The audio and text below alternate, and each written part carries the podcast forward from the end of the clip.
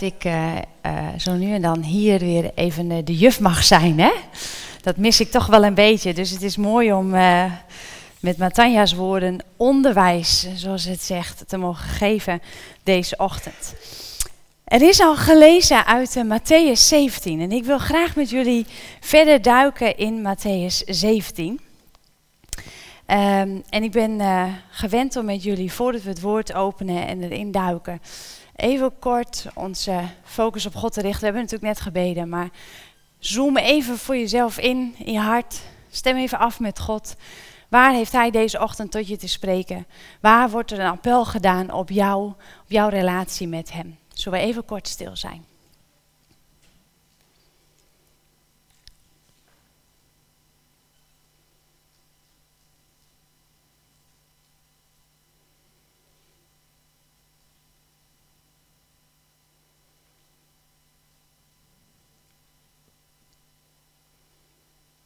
Hemelse Vader, een moment om af te stemmen op U. Wilt U spreken, Heer? Dat bidden we in Jezus' naam. Amen. Goedemorgen, nogmaals.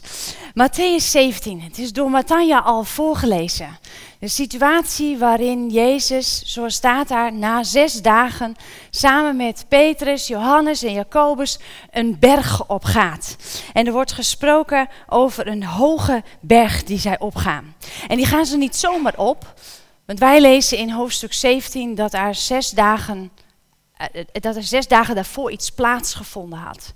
En wat lezen we in het eind van hoofdstuk 16, in vers 28? Ik verzeker jullie, sommigen van de hier aanwezigen zullen niet sterven voor ze de komst van de mensenzoon en zijn koninklijke heerschappij hebben meegemaakt. Nadat Jezus die woorden heeft uitgesproken, volgen er zes dagen. En op die zes dagen maken ze zich misschien wel klaar om een hoge berg op te gaan. Nou, ik heb even opgezocht wat voor berg dat mogelijk geweest is, want het wordt in de tekst niet genoemd. Maar we gaan er even naar kijken, er is een plaatje hier. Het is niet zo goed te zien, dus ik had al even gevraagd of ik een uh, pointer uh, mocht, mocht gebruiken. Hier zien we Israël, het oude Israël, het loopt nog verder naar beneden. Hier zien we het uh, meer van Galilea. Sorry, die zien we hier. Ik moet het dus wel goed aanwijzen. En hier zie je een, een klein plaatsje, Caesarea Philippi. En in hoofdstuk 16 lezen we dat Jezus daar op dit moment met zijn discipelen is.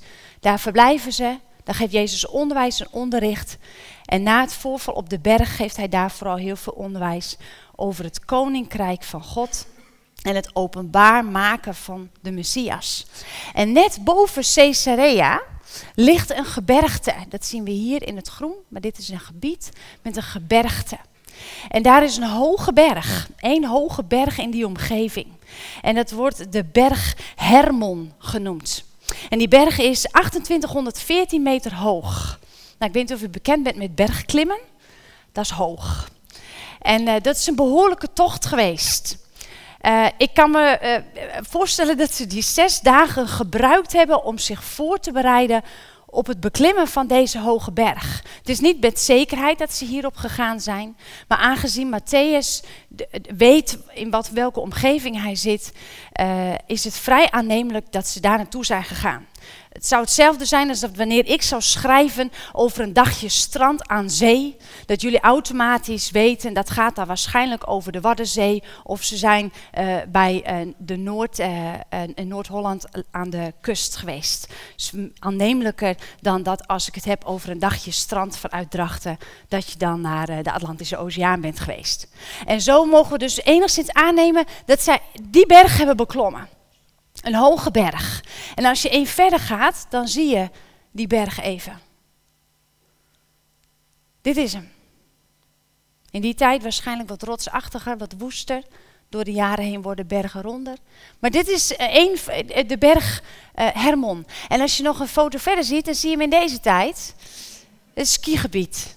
Dit is het toeristische skigebied van het noorden van Israël. Op de grens met Syrië. En um, je ziet daar ook de gondels. En ik, ik, ja, ik kan het natuurlijk niet laten om een vakantieverhaal te vertellen. Hè. Ik word inmiddels al bemoedigd door gemeenteleden van hoe is het op vakantie. En dan wordt mij bevraagd over ons kampeermeubel, middel moet ik zeggen. Toch even een foto van onze vakantie. We staan er gelukkig niet op, want ik heb de jongens niet gewaarschuwd. Maar hier zie je even een uitkijkje van afgelopen jaar. In de Alpen waren we. En hier zitten we in een van die gondels die nou ja, mensen in het wintergebied naar boven brengen. Om zo weer al skiënd de berg af te gaan. En wij maakten daar gebruik van, want wij klimmen geen 2800 meter. Jezus kon dat samen met zijn discipelen. En wij dachten, wij pakken de gondels en we hadden allemaal dichte gondels tot we deze tegenkwamen. En het adembenemende van deze is niet alleen het uitzicht, maar vooral de stilte. Het is zo adembenemend stil boven in de lucht op die berg. En hier gaan we richting wat een afgrond. Ik heb mijn mobiel gauw weggeborgen en maar vastgehouden aan de stangen, want ik ben niet zo heel goed in hoogtes. Maar uh, we gingen daar een dal in en daar zag je in de verte als stipjes de auto's razen over de wegen. En steden en, en huizen en grote gebouwen als minuscule Lego-blokjes beneden in het dal waar het lawaaierig is, waar het onstuimig is, waar er geleefd wordt, waar het bruist, waar onrust is, waar mensen elkaar lief hebben, maar mensen elkaar ook haten. Dat vindt plaats in een dal, in een stad, op een plaats waar mensen met elkaar leven. Hoog op een berg, daar is het stil. Ik benoem het hier wel vaker, dat ik onder de indruk ben van hoe vaak en met welke regelmaat Jezus met zijn discipelen en soms alleen de stilte opzoekt in de woestijn of op plekken waar hij even alleen kan zijn. En hier heeft hij ervoor gekozen om zijn discipelen mee te nemen de berg op. En op die berg vindt iets wonderlijks plaats. Want hij had gezegd, zes dagen daarvoor, er zijn sommigen onder ons die niet sterven voordat zij de mensenzoon in al zijn glorie en koninklijke majesteit hebben aanschouwd. En drie van die discipelen hebben de eer en het voorrecht en de mogelijkheid om Jezus in al zijn glorie daar te zien. Want wat gebeurt daar? Eenmaal daarboven veranderde hij van gedaante. Zijn gezicht werd stralend als de zon en zijn kleding zo wit als het licht. In de grondtekst staat er metamorfose. Metamorfose is een verandering die je niet weer terugdraait. Is een verandering die niet meer terug te draaien is.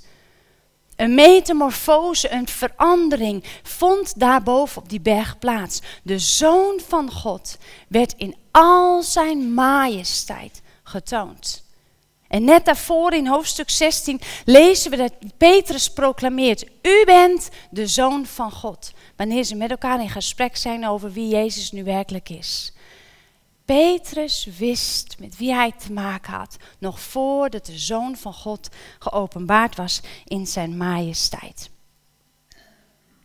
Hij wordt geopenbaard. En hij wordt tentoongesteld als de zoon van God. We gaan met elkaar hoofdstuk 17 door tot en met uh, vers 13. Want er vinden daar andere bijzonderheden vinden daar plaats. Mozes en Elia zijn daar ook. En Mozes en Elia staan tentoon als de wet en de profeten. De wet en de profeten samen in gesprek, in contact met de mensenzoon. Wat een wonderlijk voorval vindt hier plaats. Want wat zegt God wanneer zij met z'n drieën in gesprek zijn? Hij is mijn geliefde zoon. Luister naar hem. Jezus wordt door God gepositioneerd. Je hebt de wet en je hebt de profeten en je hebt de mensenzoon. En ze zijn met z'n drieën in gesprek. Je hebt naar één te luisteren. En dat is de Messias. En dan is Petrus die is natuurlijk een, een, een bezige bij. Ik zie dat zo voor me, hoe die daar enthousiast is. Misschien ook nog wel vermoeid van de hoge klim en verward door dat wat daar plaatsvindt. En hij zegt, laten we een tent maken, alle drie. Alle drie een eigen tent. Laten we daar een plek creëren waar we Mozes, Elia en de Messias kunnen vereren. Waar zij kunnen wonen, waar ze kunnen tronen. Laten we daar een plaats maken. En dan zegt God dat. Luister naar hem. God onderbreekt hem. We gaan er even doorheen, want ik ga er zo meteen nog wat meer inhoudelijk op in. Vervolgens gaat Jezus met ze in gesprek en dan geeft hij aan, wees niet bevreesd. wees niet bang. Je hoeft niet langer meer bang te zijn. En dan gaat hij verder, want dan wordt dan namelijk duidelijk dat hij de mensenzoon is. Toen ze van de berg afdaalden. Ik ga zo meteen nog inhoudelijk meer om, maar ik ga even de berg op en nu even met jullie de berg af. Toen ze de berg afdwaalden, gebood Jezus hun, praat met niemand over wat jullie gezien hebben, voordat de mensenzoon uit de dood is opgewekt. De leerlingen vroegen hem, waarom zeggen de schriftgeleerden toch dat Elia eerst moest komen? En hij antwoordde, Elia zou inderdaad komen en alles herstellen. Maar ik zeg jullie dat Elia al gekomen is. En ze hebben hem alleen niet herkend. Ze hebben met hem gedaan wat ze wilden. En zo zal ook de mensenzoon door hun toedoen moeten lijden. Toen begrepen de Israëlieten, of sorry, toen begrepen de leerlingen dat het over Johannes de Doper ging. De zoon des mensen zal moeten lijden. Hij is pas geleden op die berg, verheerlijk door God, getransformeerd, gemetamorfiseerd, kan je dat zeggen? Metamorfose ondergaan. En hij is veranderd van gedaante en de mensenzoon werd in al zijn luister en glorie getoond. En ze zijn de berg nog maar af en hij heeft het al over zijn lijden. Hij heeft het al over de volgende berg die hij zal moeten beklimmen. Golgotha. En wat een contrast is er zichtbaar op deze berg en op Golgotha. Ik heb het opgeschreven. Op de berg Hermon straalde Jezus als de zon. En hier schetst hij al afdalend dat hij een tijd in zou gaan waarbij hij bovenop Golgotha niet zal stralen als de zon, maar een kapot geslagen gezicht zal hebben. Zijn kleren wit als de sneeuw boven op Hermon. Maar bovenop Golgotha zijn zijn kleding verscheurd en hangt hij naakt. Bovenop Hermon, in al zijn glorie en in al zijn glans, werd hij omringd door Mozes en Elia. Maar Golgotha werd hij omringd door criminelen. Petrus zegt bovenop de berg Hermon, het is goed dat wij hier zijn. Het is fantastisch, wij zijn. Zullen we twee tenten bouwen, drie tenten bouwen? Maar bij het kruis zegt Petrus, ik ken hem niet. Gods stem klinkt uit de hemel, bovenop Hermon, dit is mijn geliefde zoon. En al afdalend van Hermon richting Golgotha is God stil. Hier zien wij bovenop Hermon Jezus tentoongesteld in alle volle glorie en vreugde. En op de eerstvolgende berg, Golgotha, zijn daar tranen en is daar het kruis. Wij leven op dit moment met elkaar op aarde tussen deze twee werelden in.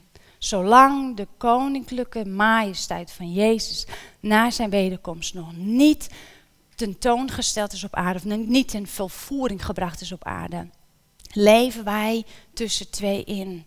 En wij kennen momenten waarbij God zichzelf zo openbaart dat we samen met de discipelen bovenop Hermon zijn.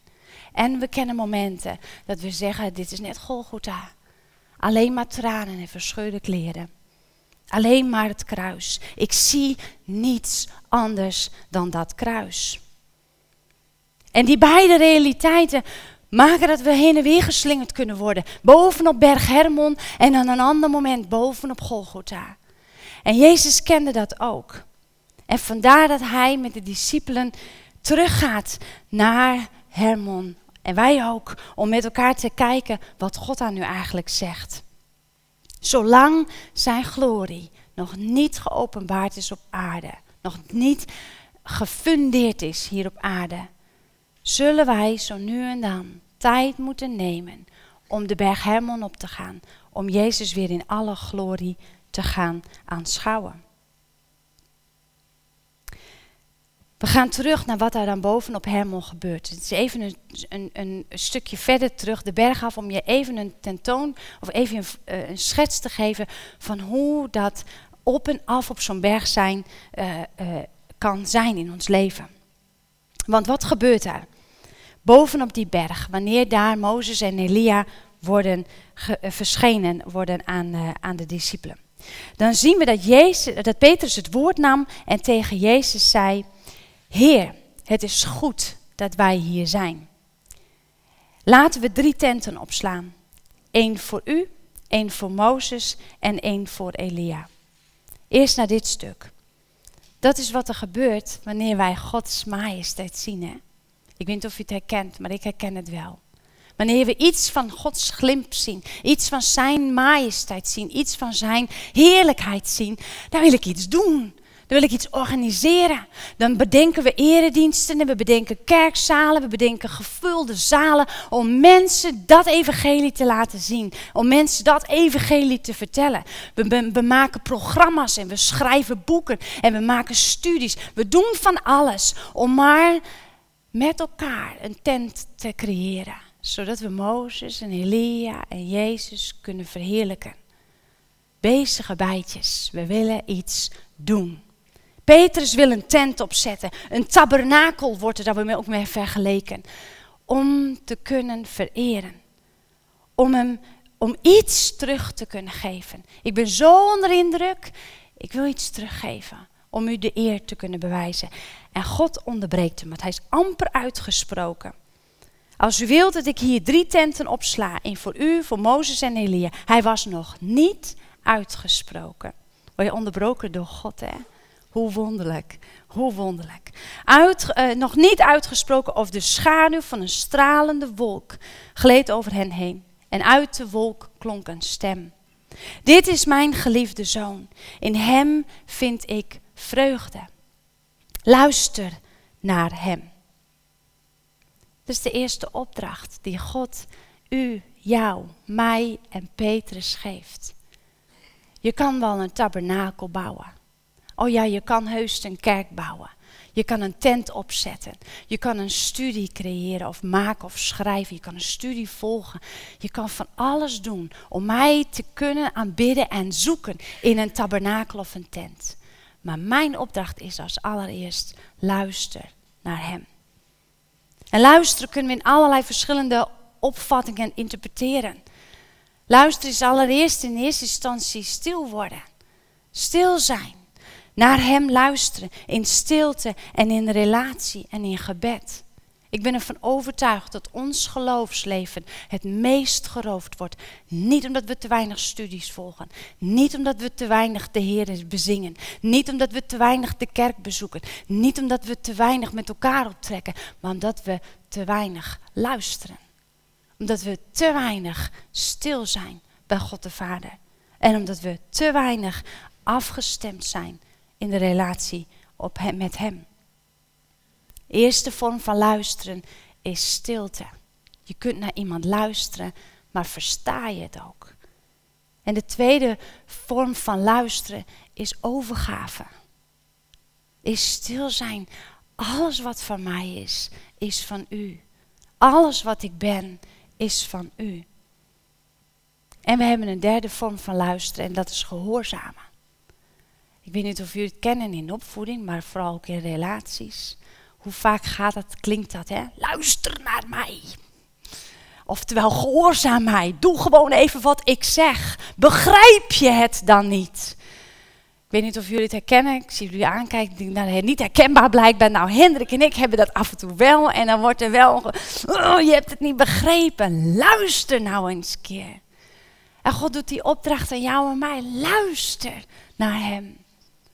Als je in stilte bent, als je een woord van Hem ontvangt, gehoorzaam Hem. En waarom kunnen we dat zo moeilijk? Waarom vinden we dat zo lastig om in de stilte te zijn? Om stil te zijn bij Hem. Niet alleen je nood vertellen, maar ook in stilte afwachten. Heer, wat heeft u te zeggen? Ik weet niet hoe het jullie vergaat, maar als ik in stilte ben, word ik overvallen door gedachten ben ik met allerlei andere dingen bezig. En moet ik steeds opnieuw me zo concentreren op stil zijn en afgestemd zijn op God de Vader. En dan komen er allerlei gedachten binnen. En soms denk ik zelfs, oh, dit is vast Gods geest. Bid voor diegene, spreek over diegene, breng dat in gebed, breng dat in vertrouwen bij God. En steeds denk ik, nee, ik wil stil zijn. Niks zeggen, alleen maar stil zijn. En waarom vinden we het zo lastig? Omdat blijkt dat als we stil worden, angst als eerst om de hoek komt. Doe ik dit wel vaak genoeg? Ben ik wel geliefd? Word ik wel erkend? Heb ik de juiste keuzes gemaakt? Zou ik morgen mijn rekeningen nog kunnen betalen? Zou die relatie ooit nog weer goed komen? Die vond destijds iets van mij. Moet ik diegene niet weer eens even opzoeken? Allerlei angsten en vragen en afleidingen komen op ons af wanneer wij stil zijn. Zorgen en angst worden ons overmand. Waarom? Er is maar één op uit om ons te roven van stille tijd en luisteren. En dat is de boze. Dus het eerste waar we in aangevallen worden is afhaken. Zorg dat mijn mensen een tent gaan bouwen. Zorg dat mijn mensen een tabernakel gaan bouwen. Zorg dat mijn mensen druk zijn met haringen slaan en met stokken omhoog hijsen om die, om die heerlijkheid in een tent te vormen en in een tent te bouwen. En het eerste wat God zegt, luister naar Hem. Dit is mijn geliefde zoon. Ik heb het niet over Mozes de wet, ik heb het niet over de profeten, mijn zoon. Luister naar Hem. En dan gebeurt er iets prachtigs. Want de discipelen worden natuurlijk overmand door indruk en door overweldigende situatie wat daar plaatsvindt. Ze wierpen zich neer en verborgen hun angst in hun, op hun gezicht. Ze werden angstig en ze gingen zich verbergen. In de stilte, wanneer God spreekt, kunnen we bang worden, angstig raken.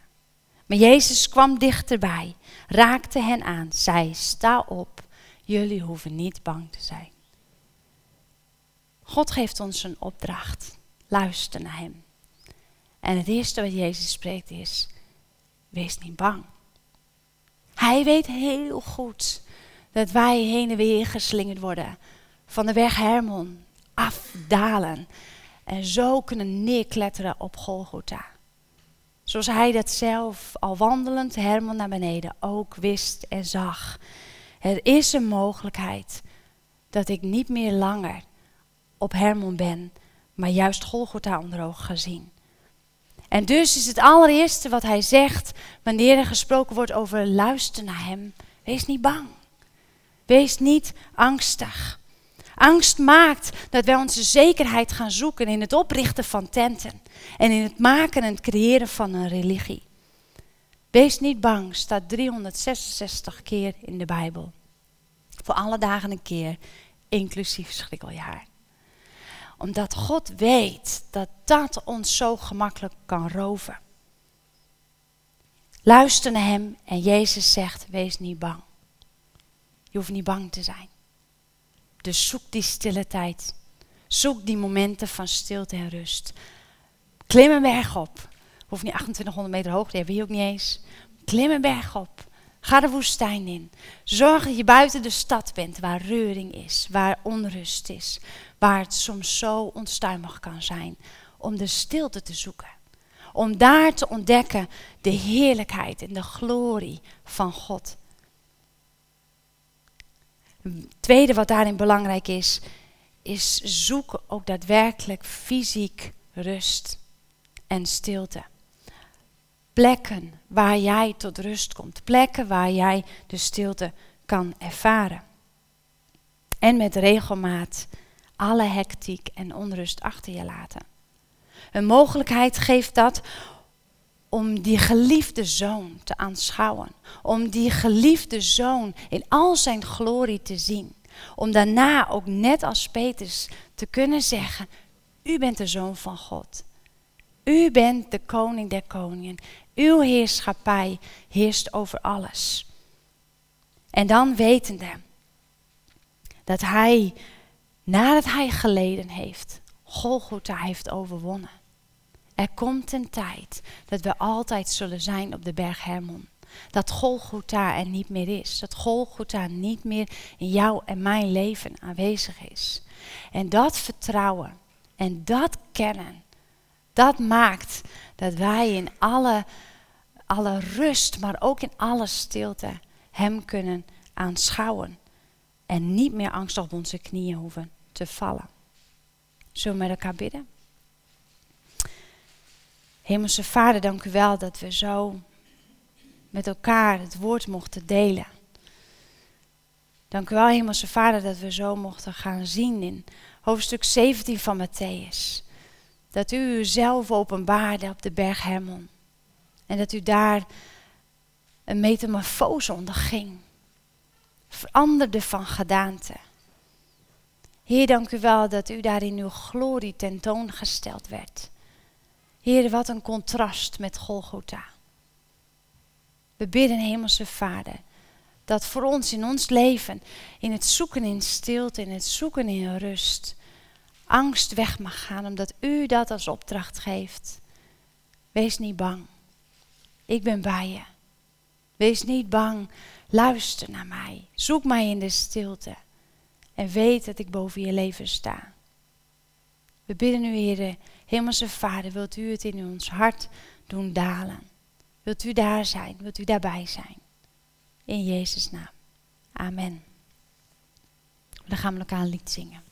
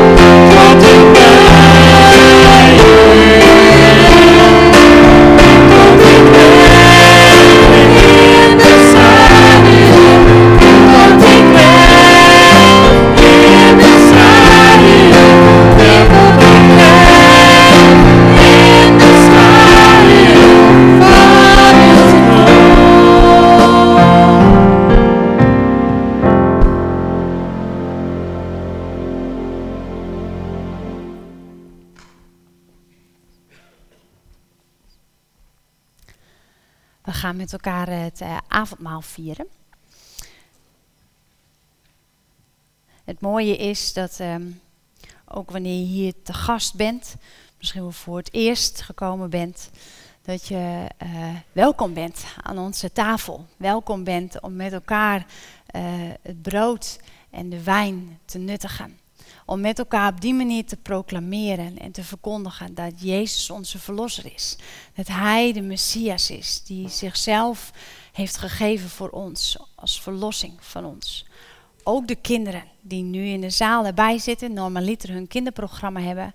Als je hier zit en je zegt, nou, ik wil dat ook. Ik wil ook mee eten aan die tafel samen met de Heer Jezus. Dan ben je welkom om samen met je ouders mee te gaan en aan het avondmaal te gaan. En ook met ons brood en wijn te nuttigen. In het midden is het, uh, zijn, zitten de plastic bekertjes, de plastic cupjes en daar zit druivensap in. Dus mocht u, mocht jij dat willen gebruiken, dan kun je de plastic bekertjes pakken